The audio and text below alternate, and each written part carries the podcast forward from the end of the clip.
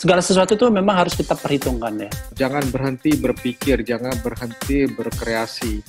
Yang akan merajai market sebetulnya adalah bukan yang produk yang paling mahal atau paling bagus, tetapi orang yang paling jeli melihat peluang itu. Nah, event organizer selaku pihak yang paling terdampak juga perlu memutar otak nih di saat seperti ini untuk memperoleh strategi pertahanan baru di masa seperti ini. So, strategi apa sih yang bisa diambil oleh pelaku bisnis MICE, termasuk pemilik dari event organizer di tengah perubahan tatanan ini? Akankah kita, uh, nantinya akan kita bahas tuntas bersama para panelis kita untuk menjawab pertanyaan yang tadi ya. Nah, senang sekali sudah hadir bersama kita beberapa panelis dari berbagai pihak. Ada dari Asperapi, ada dari Evendo, ada dari Hastana, dan juga ada juga dari pihak IO-nya ataupun WO-nya, yaitu Big Enterprise WO. Untuk itu, sebelum kita mulai, pertama izinkan saya untuk menyapa satu persatu para panelis kita pada hari ini. Yang pertama, saya ingin menyapa, yaitu Pak Daswar Marpaung, Bapak Maspar, uh, Bapak Daswar Marpawong selaku Wakil Ketua Umum Asosiasi Perusahaan Pameran Indonesia atau Asperapi dan Direktur Nusa Dua Indonesia. Beliau bergabung di Diandra Group di tahun 2013 dengan posisi sebagai Direktur Keuangan Diandra Media Internasional, sebagai holding company dan Direktur PT Diandra Promosindo sebagai perusahaan event organizer. Untuk itu, saya mau menyapa dulu. Halo, selamat siang Pak Daswar. Halo Vera, apa kabar? Selamat siang. Baik Pak, Bapak apa kabar Pak? Baik, baik, baik semuanya baik. Sehat ya Pak ya? Sehat, alhamdulillah. Amin, baik. Terima kasih ya Pak sudah hadir di Techminar kita hari ini. Ya. Yep, Terima okay. kasih. Kita, yap, thank you Pak. Uh, saya mau melanjuti dulu ke panelis berikutnya ya Pak ya. Ya. Oke, okay. selanjutnya Bapak Ibu, uh, ada juga nih yaitu Bapak Hari Dwi Nugraha selaku Sekretaris Jenderal Dewan Industri Event Indonesia atau Evendo. Evendo sendiri atau Indonesia Event Industry Council merupakan wadah para pegiat industri event dan siap bekerja untuk turut serta membangun industri pariwisata Indonesia. Halo, selamat siang Pak Hari, sudah bergabung bersama kita? Selamat siang, Assalamualaikum semuanya. Terima kasih. Waalaikumsalam. Iya, thank you Pak atas supportnya ya hari ini. Baik. Siap, kalau gitu. Kita lanjutin lagi dulu. Oke, untuk panelis selanjutnya, uh, yaitu ada Ibu Bunga Firdaus, selaku Wakil Ketua Umum Himpunan Perusahaan Penata Acara Pernikahan Indonesia atau Hastana. Dan juga beliau juga sebagai founder dari Bunga Wedding Planner. Kalau Hastana sendiri merupakan himpunan perusahaan penata acara pernikahan Indonesia yang merupakan organisasi non-profit beranggotakan uh, perusahaan penata acara pernikahan atau yang biasa disebut dengan wedding planner atau wedding organizer. Untuk itu saya mau menyapa dulu. Halo Ibu Bunga. Halo Mbak Vera dan teman-teman. Halo, iya Bu. Apa kabar Bu? Alhamdulillah baik. Oke, baik. Terima kasih ya Bu ya sudah join di Tech Webinar kita hari ini. Um, saya mau lanjut dulu untuk panel terakhir. Untuk panel terakhir yaitu ada Bapak Bikson Alandro, selaku founder Big Enterprise WO.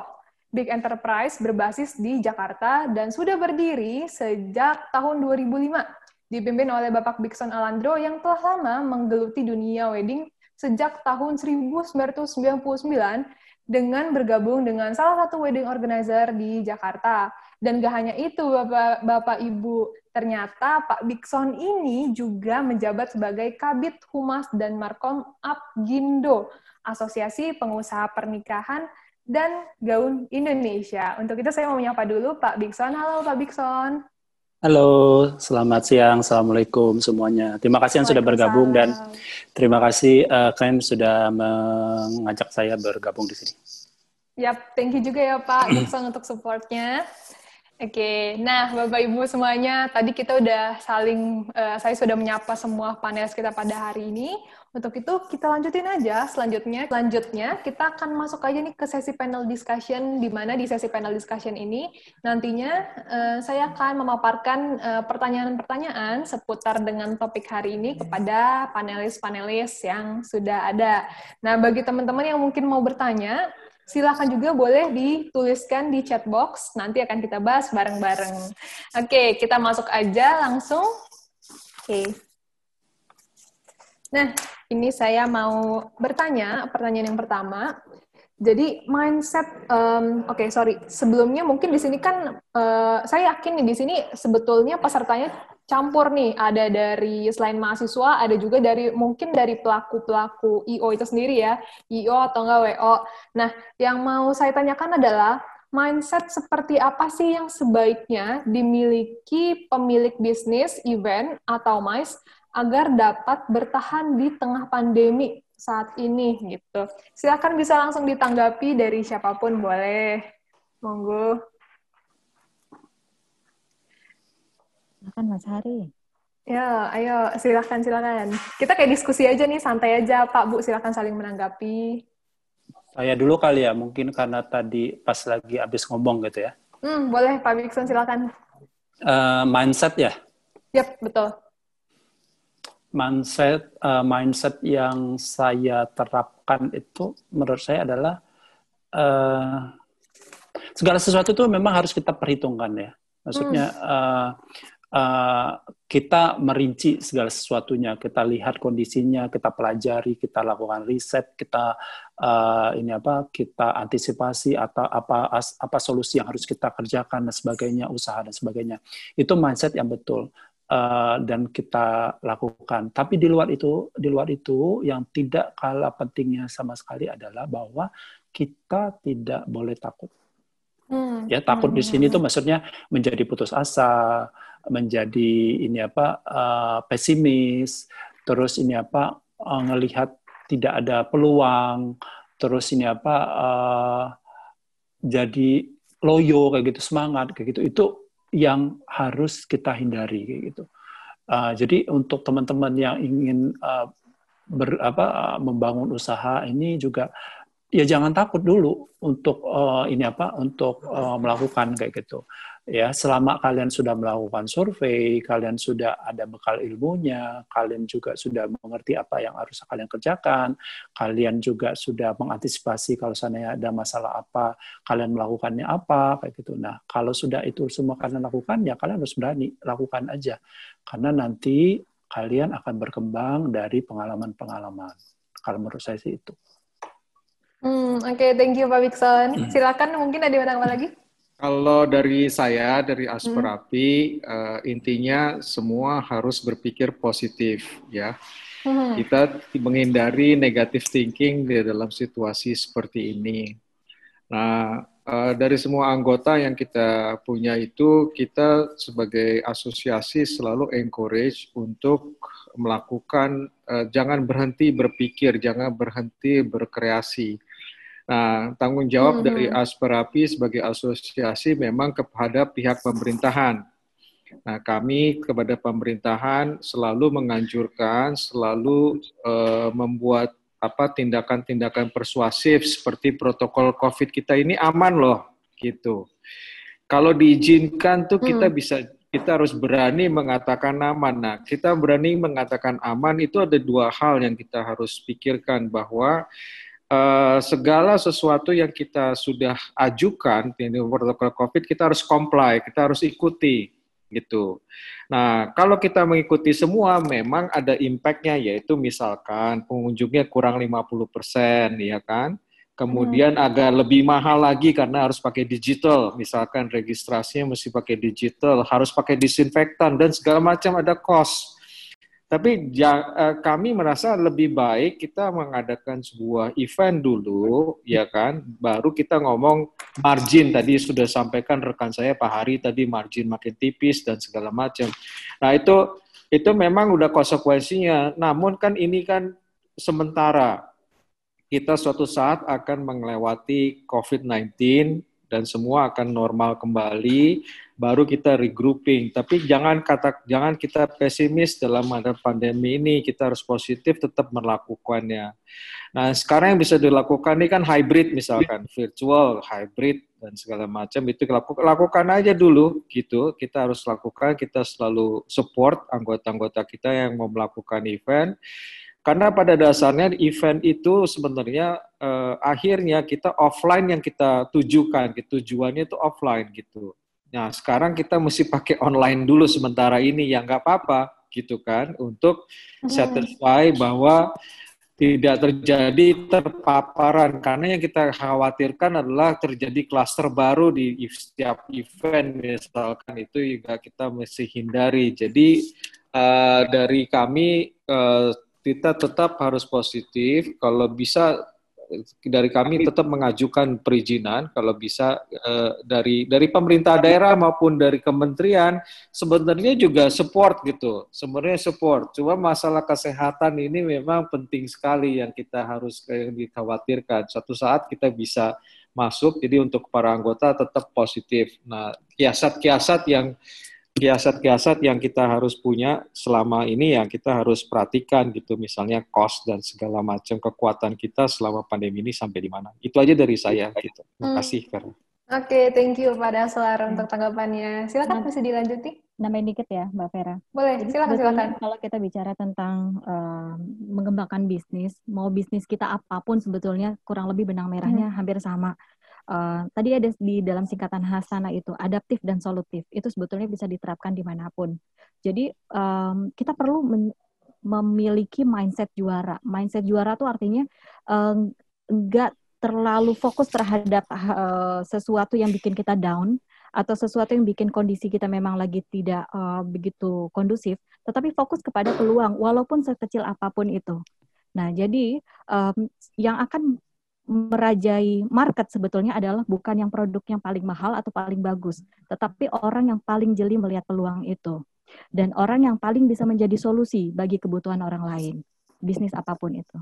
Jadi mudah-mudahan pesan ini bisa berguna buat teman-teman mau menjalankan bisnis apa pun, jadilah solusi buat orang lain. Hmm. Gitu.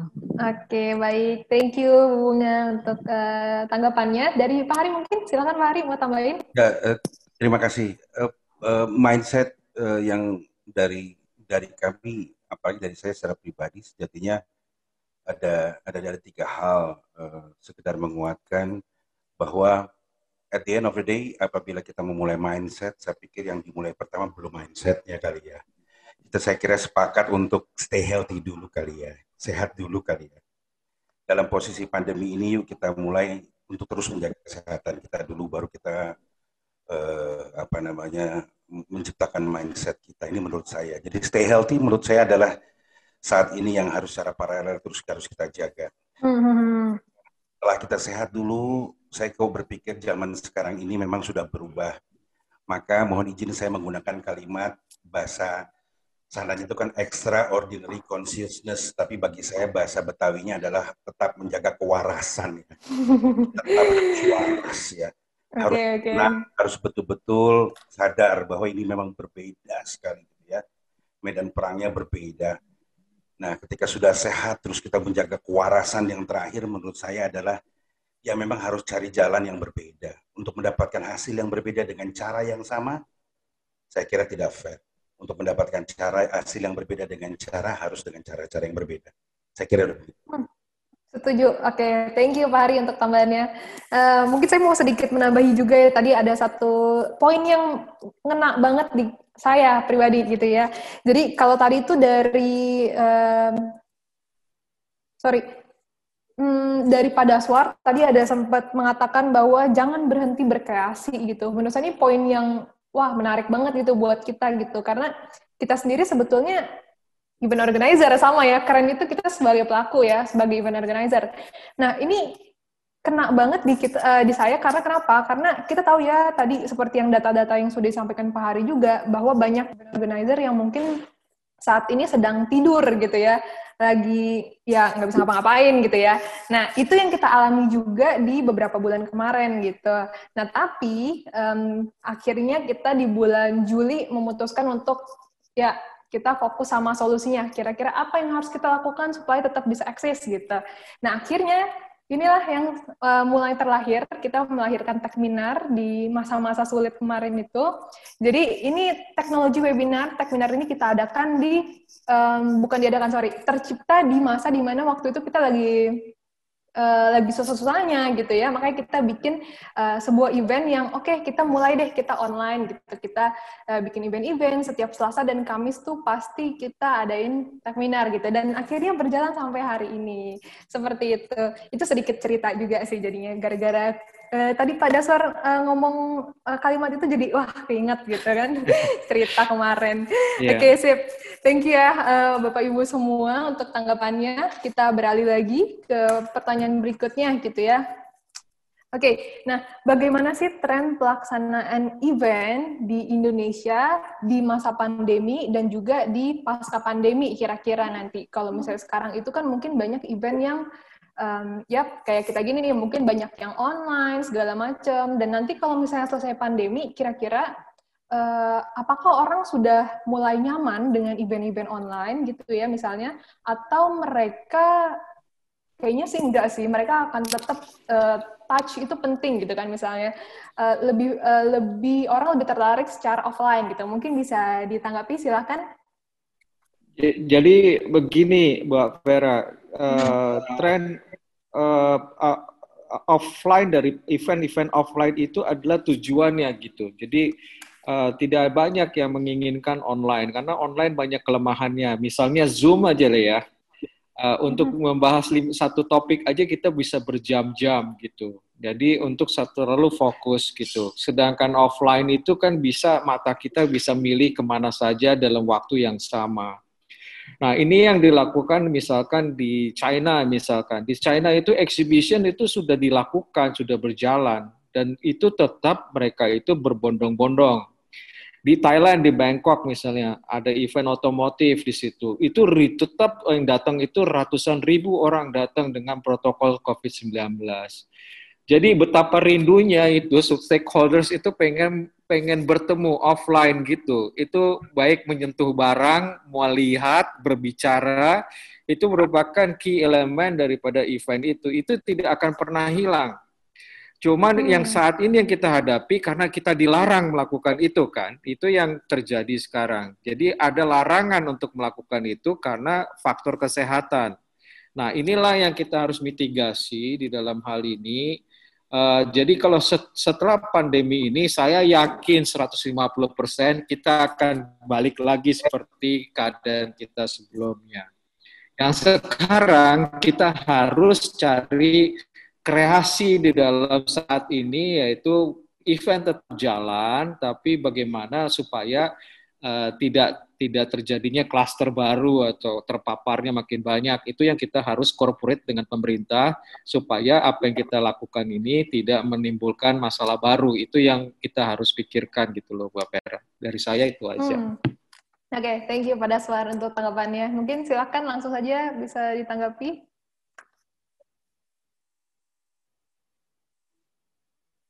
sedikit nambahin aja, Mbak. Boleh, silakan silakan Bu.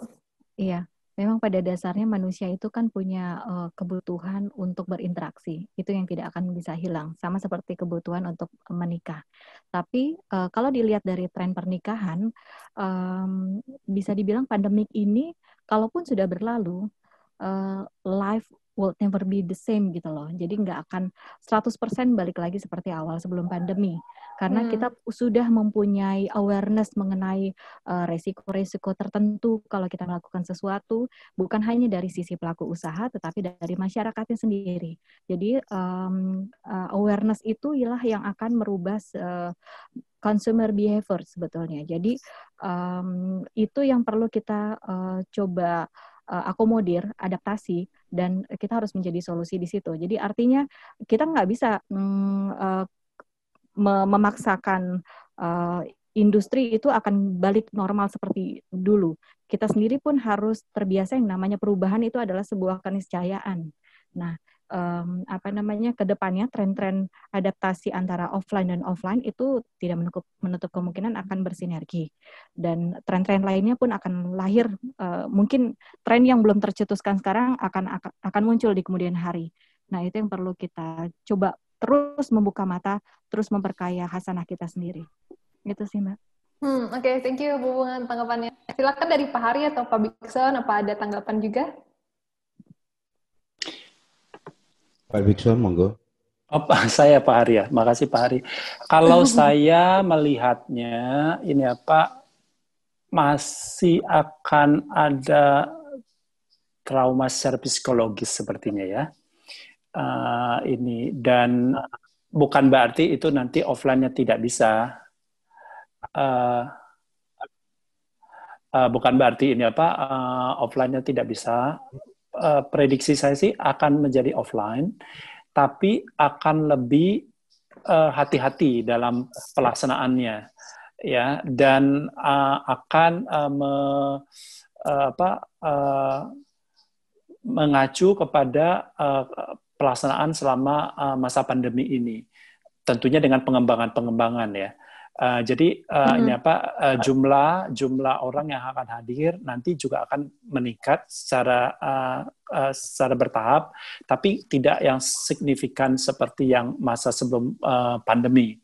Uh, dan ini apa uh, dan itu sendiri nanti juga akan menjadi satu kebiasaan. Uh, akhirnya nanti akan menjadi satu kebiasaan dan uh, orang sudah tidak lagi melihat atau menjadikan standar satu besarnya wedding itu berdasarkan berapa banyak jumlah orang yang hadir.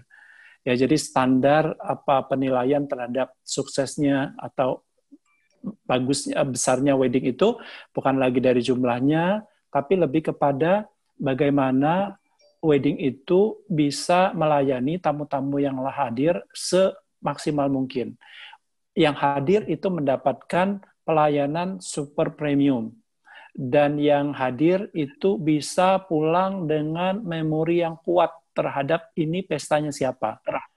Jadi bukan lagi datang hanya ngantri salaman, ngantri salaman, terus ngantri makanan, foto, hmm. terus pulang. Nanti hmm. itu akan lebih banyak interaksi antara yang mengundang dengan yang diundang. Menurut saya sih akan seperti itu. Hmm, oke. Okay. Siap, hmm. thank you Pak Bikson untuk uh, tanggapannya. Dari Pak Hari, ada tambahan? Silakan Pak. Ya, uh, uh, saya sepakat dengan dengan dengan Mas uh, Bikson tadi uh, uh, statementnya. Mm -hmm. uh, tapi saya ada angle berbeda. Angle saya begini, bahwa sejatinya uh, virtual experience kalau boleh saya katakan atau virtual teknologi, uh, digital teknologi yang kita uh, tadi sampaikan bahwa sejatinya itu uh, hadir uh, jauh sebelum COVID, ya. Kalau saya punya data, uh, gini deh, uh, ada viver.com. Viver.com itu sudah menciptakan virtual conference dan virtual trade show itu di 2016, gitu ya. Hmm. Ya, ada uh, ada www virtualexpo.com itu juga dari tahun 2017 gitu ya. Jadi uh, sejatinya uh, hadirnya pandemi ini uh, adalah justru semakin mempercepat saja gitu ya, mempercepat dan mempertajam daripada segala kebutuhannya. Nah, uh, yang yang kemudian menarik seperti yang Pak Bikson tadi sampaikan, akhirnya nanti melahirkan uh, mazhab-mazhab, melahirkan sebuah kantong-kantong pasar yang yang multiple, yang justru semakin menarik nanti, begitu ya ada ada ada kantong-kantong pasar yang memang saat ini seperti saat saat ini sedang membuka ada sebuah survei dari Event MD itu justru ke depan karena nanti ada isu-isu environmental uh, naiknya kos-kos biaya sehingga orang makin susah terbang ke sana sini gitu ya. Makin akhirnya ada mazhab yang memang justru hybrid menjadi bagian daripada keseharian gitu ya tapi ada mazhab juga yang memang menginginkan adanya live engagement gitu ya. Sehingga justru bagi saya ke depan nanti uh, menjadi kaya ya. Opportunity opportunity bisnis semakin terbuka. Tidak saja untuk bisnis loh, ada opportunity opportunity talent loh buat anak-anak muda sekarang. Ada opportunity opportunity tenaga kerja baru ya, spesialis-spesialis baru yang nanti akan muncul ya. Para digital digital eh, masters nanti yang akan akan muncul yang akan menjadi bagian yang tidak terpisahkan daripada yang tadi Mbak Bunga tadi sampaikan, dunia udah totally different gitu ya. Begitu menurut saya. Oke, siap. Terima kasih Pak Hari iya. untuk tanggapannya. Uh, Mbak Vera, aku boleh tambahkan lagi, Mbak. Aku aku uh, boleh, boleh ya aku tambah Pak. ya. Aku setuju sekali dengan boleh, yang disampaikan boleh. Pak Adi tadi bahwa uh, faktor environment uh, apa lingkungan di sini akan uh, sangat berpengaruh sekali kayak gitu ya. Lingkungan di sini adalah uh, ling tidak saja lingkungan secara alam ya tapi lingkung uh, lingkungan dalam arti kata bagaimana kita meng, uh, memposisikan diri atau eventnya kita. Dalam hal ini uh, wedding ya. Dalam hal saya itu wedding nanti menurut hmm. saya orang akan lebih terbuka lagi pikirannya, orang tidak terkotak-kotak lagi dengan standarisasi yang sudah ada, standarisasi yang uh, melihat kemewahan itu hanya dilakukan di uh, apa venue-venue tertentu, hanya dilakukan dengan gaya-gaya uh, tertentu. Tidak, nanti orang akan melihat bahwa keberagaman itu adalah satu kemewahan ya. Jadi venue venue wedding itu nanti bisa aja dilakukan tiba-tiba di pinggir sungai kayak gitu ya. Misalnya di di area pegunungan tapi di pinggir sungai kayak gitu.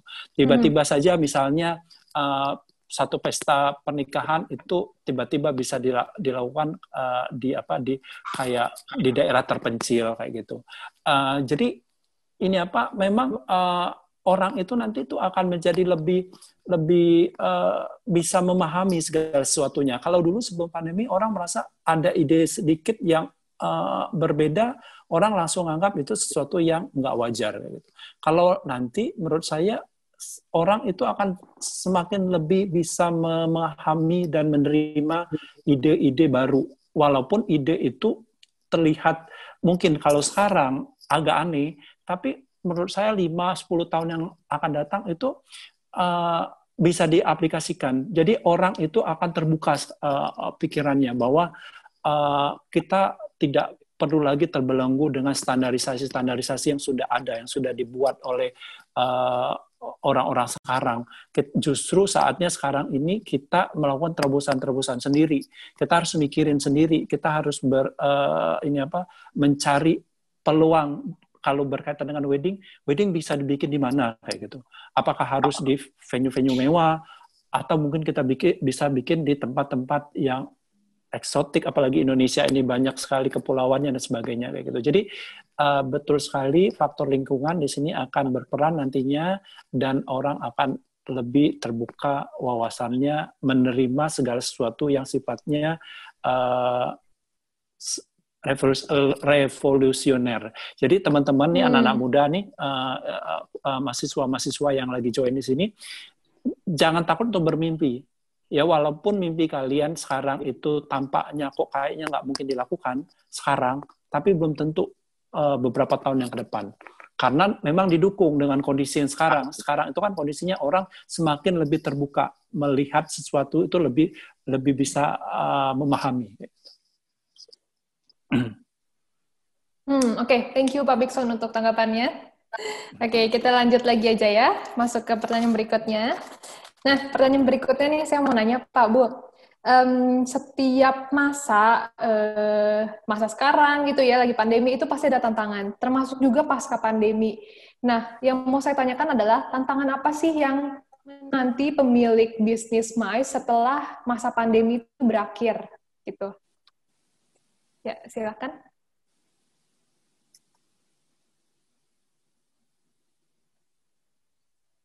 Dari silakan saya dulu dari, boleh, mohon izin. Dulu, boleh. boleh. Silakan, Pak. Ya. Dari kami tantangannya dari sekian banyak adalah untuk rebound adalah bagaimana kita kemudian punya modal.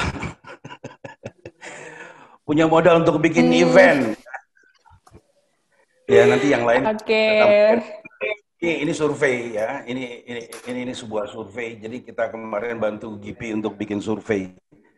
Bagaimana terus kemudian kita untuk bisa meneruskan pemulihan recovery nanti ya, eh, hampir 67,87 persen kita menginginkan adanya apa namanya eh, likuiditas ya, membantu likuiditas. Oleh karena itu asosiasi sedang melakukan apa namanya eh, permintaan ya lobby ke pemerintah kita sedang pengen dua hal nih. Yang hmm. pertama adalah kalau bisa dapat bantuan dana murah ya. Dan yang paling penting dana murahnya itu jaminannya SPK Allah ya. Dan jaminannya SPK ketika menang tuh ya. Terus yang kemudian kalau nanti ada LSP LPSE ada kegiatan kita pengen ini nih.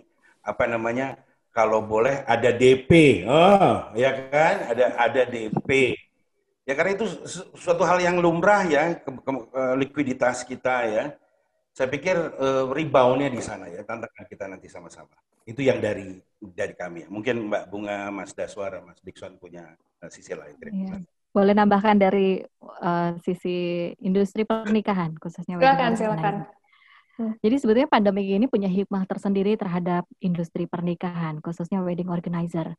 Pada saat dulu orang membutuhkan wedding organizer itu untuk uh, mengarrange acara yang di, dianggapnya uh, yang mewah aja deh, baru gue pakai WO. Atau acara yang melibatkan VIP banyak, baru mereka pakai WO. Tapi dengan adanya uh, pandemik ini, dan di mana wedding organizer memiliki peran lebih, dari sebelumnya, yaitu melaksanakan hmm. protokol yep. kesehatan dan memastikan hmm. teman-teman vendor juga menerapkan itu, uh, otomatis orang yang tadinya hanya mengandalkan teman, kerabat atau keluarga melaksanakan acara pernikahannya sekarang mulai aware untuk menggunakan wedding organizer. Itu artinya ekspektasi masyarakat terhadap wedding organizer semakin meningkat. Nah, hmm. itu yang menjadi tantangan kita ke depannya. Jadi artinya uh, kita harus bisa melaksanakan amanah itu dengan baik karena pada saat market mulai mempercayakan acara sakral ya terhadap uh, kepada kita uh, itu sesuatu yang nggak bisa uh, dianggap remeh karena um, itu momen sekali seumur hidup mereka itu sih. Jadi kalau dari Hastana sendiri tantangannya adalah mencoba yang tadinya menerapkan standar pelayanan uh, yang baik uh, apa namanya untuk wedding organizer sekarang kita harus menambah lagi nih amunisi kita, edukasi kita kepada teman-teman wedding organizer lainnya. Gitu Mbak Vera.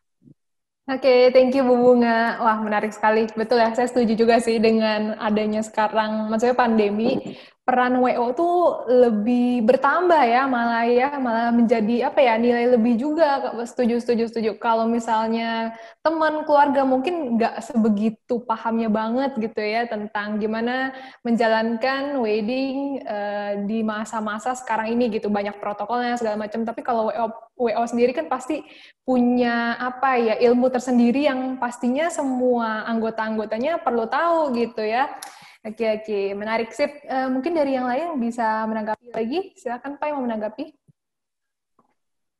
Baik, saya hanya mau tambahkan saja tantangan setelah pandemi itu bukan hmm. tantangan lah. Saya rasa yang saya mau sampaikan teknologi sebuah keniscayaan. Eh, hmm. digitalisasi sebuah keniscayaan. Jadi hmm. Eh, kita yang tradisional event itu mungkin akan berkurang karena pertama setelah pandemi millennials itu kan yang sudah menjadi market terbesarnya. Jadi semua teknologi digitalisasi di event itu itu udah harus dipakai gitu, nggak bisa lagi kita menawar itu. Jadi semua dari registrasi, kemudian display, semualah uh, markomnya, uh, kemudian di salesnya, kitnya dan segala macam itu semua sudah berbentuk teknologi dan digitalisasi. Yang kedua adalah yang tadi uh, akibat karena terlalu banyaknya virtual, hybrid juga itu merupakan suatu keniscayaan gitu di ya, event setelah pandemi tidak hanya offline dan ini juga harus online. Tapi ini ada bagusnya juga supaya menambah sebuah menambah sebuah keramaian di sebuah event dengan uh, penambahan daripada uh, virtual eventnya. Jadi ini ini yang uh, menurut saya agak agak rame kalau kita pikirkan setelah pandemi ini, gitu, Mbak Vera. Hmm, Oke, okay. thank you Pak Dasar untuk tanggapannya. Mungkin ada lagi dari Pak Biksan, mungkin silakan. Iya ya. Uh, ini kita bicara mengenai tantangan ke depannya kan. Nah, tantangan hmm. ke depan, oke, okay, kita ini rata-rata uh, yang hadir di sini itu usianya berapa kalau saya boleh tahu? Rata-rata kan paling 30-an kayak gitu kan peserta-pesertanya hmm. ini kan ya. Uh, dan yang uh, uh, yang sering uh, ya uh, koreksi saya kalau saya salah kayak gitu. Yang sering ngikutin webinar-webinar terus hybrid, Zoom dan sebagainya itu kan rata-rata kan anak-anak muda kayak gitu kan. Yang generasi tuanya kan enggak. Tantangannya itu adalah di sana wedding itu wedding itu adalah sarana untuk bersosialisasi. Kalangan-kalangan uh, ini apa kalangan-kalangan uh, uh, orang tua kita kayak gitu ya. Mereka tuh nggak ada mereka nggak main sosial media ya. Mereka nggak uh, nggak yang berkumpul berkumpul uh, maksudnya dalam uh, kerja dan sebagainya. Salah satu momen penting itu adalah pernikahan di mana itu momen hmm. mereka ingin bertemu dengan teman-teman temannya dia, relasi-relasinya dia, dengan orang yang pernah membantu hidupnya dia, dan sebagainya. Nah, jadi keinginan untuk membuat pesta dengan tamu yang banyak itu masih ada. Ya. Nah, mengapa saya anggap ini tantangan? Mengapa saya anggap tantangan? Sebenarnya ini apa? Karena kan kita trennya nanti itu akan uh, bagaimana menghindari ini apa kontak fisik itu. Karena secara psikologis orang kan masih masih agak trauma tuh. Kalau seandainya ngelihat kerumunan uh, kerumunan itu kan orang juga secara psikologis nggak nyaman kayak gitu. Nah tapi di sisi lain kerinduan akan berkumpul orang-orang tua dan sebagainya uh, termasuk juga pengantin-pengantin dengan teman-temannya ya. Walaupun teman-temannya pengantin itu bisa lebih um, uh, cepat beradaptasi dengan tren ini menurut saya. Tapi yang kalangan orang tuanya ini yang uh, yang harus kita perhatikan juga. Saya uh, bukan menganggap ini tantangan, uh, berarti uh, uh, justru tantangan ini saya uh, sampaikan di sini supaya kita juga harus memikirkan dari sudut pandang mereka, orang-orang tua, ketika mereka menikahkan anaknya itu adalah momen di mana mereka ingin menunjukkan ini loh anak saya menikah mana loh teman-teman saya datang nggak? Korelasi saya uh, yang berpuluh-puluh tahun da dulu datang nggak? Gitu. Nah sekarang kan akan menjadi uh, kontra kontraproduktif dengan adanya secara psikologis yang saya sampaikan tadi bahwa orang masih agak trauma dengan uh, kerumunan kayak gitu. Nah, justru di situ tantangannya. Hmm. Jadi bagaimana kita membuat oke, okay, dia akan mengundang 2000 orang.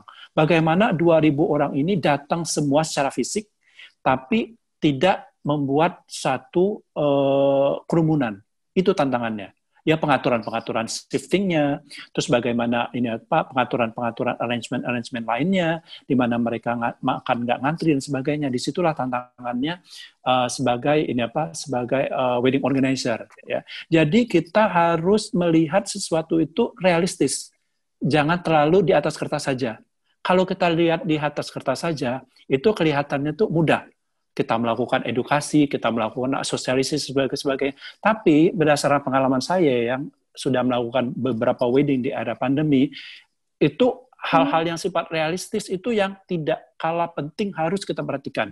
Kalau seandainya kita ingin menjadi wedding organizer yang uh, yang benar-benar ini apa kredibel. Uh, Jadi tidak hanya kredibel di atas kertas saja, tapi kredibel di lapangan ya kita tahu kondisi real di lapangan kondisi apa yang benar-benar orang rasakan kalangan uh, kalangan kalangan orang tua rasakan kalangan uh, apa uh, orang-orang kalangan the have mungkin kalangan kalangan menengah kalangan kalangan bawah itu tuh yang mereka rasakan berbeda-beda semua. Kita harus memahami dengan pendekatan yang berbeda-beda semua.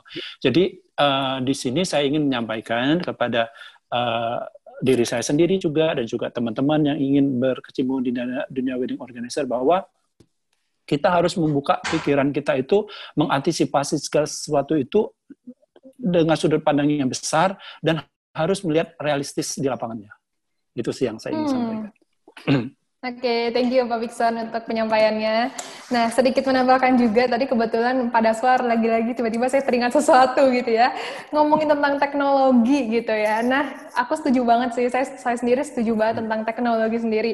Makanya kita sebetulnya di Keren, kita juga sedang mengembangkan sebuah platform. Platformnya itu nanti juga akan saya infoin ke teman-teman semua untuk download sertifikat akan seperti apa. Nah, platform ini itu gunanya adalah sebetulnya sebagai um, tempat ataupun uh, ya bisa dibilang tempat lah ya. Tempat apabila teman-teman mau beli uh, tiket-tiket webinar gitu ya.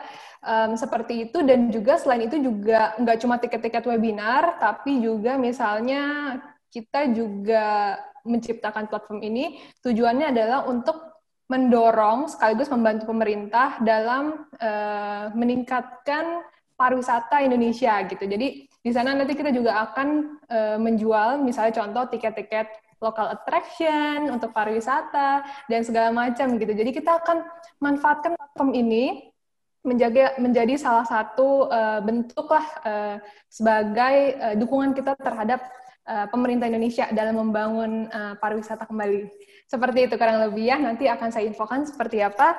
Oke, okay, uh, kita masuk ke pertanyaan berikutnya. Uh, mungkin teman-teman yang nanti mau nanya, dari sekarang boleh siap-siap untuk raise hand ya. Nanti kita akan pilih mungkin satu atau dua peserta untuk kita jawab pertanyaannya gitu ya. Nanti bisa nanya langsung. Sip, udah ada satu. Uh, saya lanjut dulu ke pertanyaan berikutnya ya. Oke, untuk pertanyaan berikutnya ini mungkin lebih mengarah ke Pak Daswar sendiri ya, gitu. Soalnya ini tentang aspirapi juga gitu. Nah, um, dalam pandemi seperti ini ya Pak ya, masa-masa pandemi seperti ini, itu pemerintah nggak hanya diam sebetulnya kita tahu ya. Jadi pemerintah itu melakukan eh, tindakan-tindakan uh, juga, cara-cara supaya uh, industri emas itu tetap bisa bangkit gitu di masa-masa seperti ini. Terbukti dari uh, salah satu program yang dilakukan oleh pemerintah yaitu sorry uh, yang dilakukan oleh Kemenparekraf dan PT Bistrip Teknologi Multimedia Solusi. Mereka itu bersama-sama mengadakan yang namanya ICTM Indonesian Corporate Travel and MICE gitu. Ini salah satu bentuk uh, supaya MICE tetap bangkit gitu ya, bisa bangkit gitu ya. Nah, pertanyaan saya adalah bagaimana Asperapi sendiri memandang kebijakan pemerintah dalam penanggulangan uh, dampak pandemi terhadap industri MICE sendiri. Misalnya dengan pengadaan ICTM ini dan uh, seberapa signifikan pengaruh kebijakan tersebut dan peningkatan apa yang perlu ditambahkan kira-kira Pak? Uh, saya rasa uh, pemerintah kan sudah aware sekali ya, sudah sadar bahwa yang terdampak di industri ini kan ada adalah industri pariwisata. Jadi eh, pemerintah hmm. itu sudah melakukan segala cara untuk me menolong industri pariwisata baik dari relaksasi pajak maupun daripada kemudahan-kemudahan yang lainnya. Sementara waktu stimulus-stimulus yang dilakukan adalah melakukan sosialisasi yang sifatnya uh, hybrid dan segala macam di tempat-tempat uh, destinasi-destinasi yang menjadi destinasi unggulan sementara ini kayak di Jakarta, di daerah lainnya Bali dan di tempat-tempat yang lainnya. Nah, kami dari Asperapi saya rasa ada asosiasi lagi yang lainnya tuh yang namanya INASEP dan segala macam uh, dalam dalam uh, meetings ya khusus dalam soal meetings itu mereka juga mendapat support dari pemerintah untuk melakukan bidding-bidding di internasional. Jadi bidding-bidding di asosiasi-asosiasi internasional seluruh dunia, pemerintah itu melakukan support in actual support loh dalam soal dana gitu ya dalam soal membantu bidding-bidding kita supaya menang. Nah, dalam pandemi ini ya mungkin karena kita masih mengalami travel bubble di di di regional kita masih travel bubble, sehingga yang dilakukan adalah uh, acara-acara domestik gitu kan, acara-acara domestik yang bisa dihadiri oleh eh, pelaku-pelaku uh, di bidang pariwisata maupun di MICE yang uh, bisa melakukan event ini. Jadi saya rasa kalau soal pemerintah saya yakin dan saya sudah melihat dengan dari dari kacamata asosiasi effort mereka untuk membantu industri ini sudah sudah cukup besar lah bantuannya. Cuman di dalam soal uh, infrastrukturnya memang masih kendala kayak misalkan penerbangan kita kan harus pakai rapid swab dan segala macam lah itu yang hmm. kayak gitu-gitu yang mungkin um, uh, apa masih masih masih costly dan masih di comply-nya secara aturan masih sulit gitu sehingga untuk mendapatkan sebuah audiens yang cukup besar itu mungkin akan masih sulit. Tapi di dalam soal pendukungan dalam bentuk dana itu saya yakin pemerintah sudah mengalokasikan uh, dana yang cukup besar untuk uh, industri pariwisata gitu Bu Vera. Hmm, Oke, okay. thank you Pak Daswar. Ya. Siap. Thank you untuk jawabannya. Uh,